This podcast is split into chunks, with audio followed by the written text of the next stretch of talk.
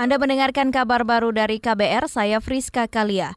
Saudara Komisi yang membidangi hukum DPR mengaku tak menghiraukan latar belakang anggota yang akan dipilih Presiden Joko Widodo mengisi kursi Dewan Pengawas Komisi Pemberantasan Korupsi.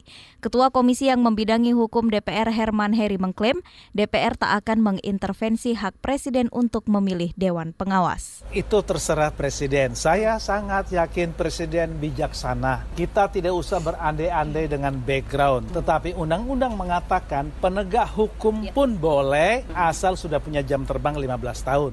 Ketua Komisi yang membidangi hukum di DPR Herman Heri menyebut pemilihan anggota Dewan Pengawas yang dipilih langsung oleh Presiden tanpa panitia seleksi tidak akan menimbulkan konflik kepentingan karena telah sesuai dengan undang-undang. Beralih ke informasi berikutnya, Kementerian Perencanaan Pembangunan Nasional menyebut ada syarat yang harus dibenahi sebelum rencana pemberian bantuan dana partai politik difasilitasi negara lewat anggaran pendapatan belanja negara atau APBN.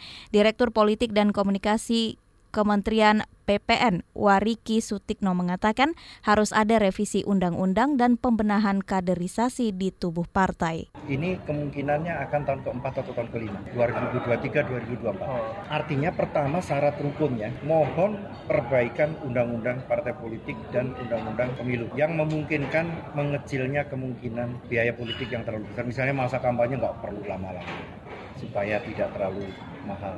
Jadi partai politik juga harus transparan, laporan keuangannya nanti harus transparan, terbuka seperti badan publik. Kemudian penggunaannya juga harus open untuk khususnya untuk pendidikan politik, ya kan, kaderisasi.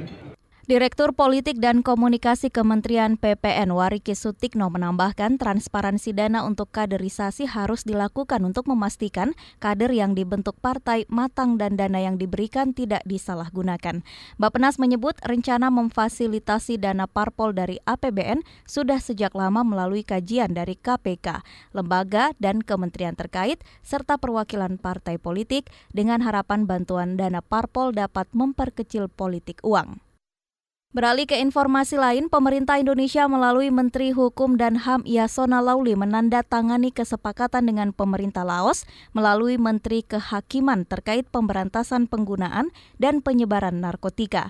Menteri Hukum dan HAM Yasona Lauli menyebut manfaat dari kesepakatan itu salah satunya untuk menangani persoalan hukum yang melibatkan warga negara Indonesia maupun Laos yang memiliki sistem hukum berbeda. Tadi saya dalam pembicaraan bilateral juga dengan beliau, tadi di tertutup ada tiga warga negara kita juga di sana yang sedang mengalami proses hukum. Kebetulan kejahatan narkoba tangkap di sana. Ada dua kasus, kasusnya tahun 2013 dan 2018. Saya terancam hukuman mati.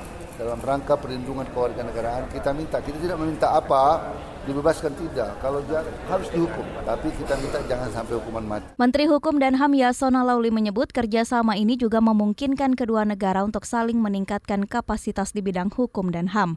Apalagi Indonesia lebih unggul dalam pemberantasan terorisme dan korupsi dengan melibatkan Polri, Densus hingga KPK.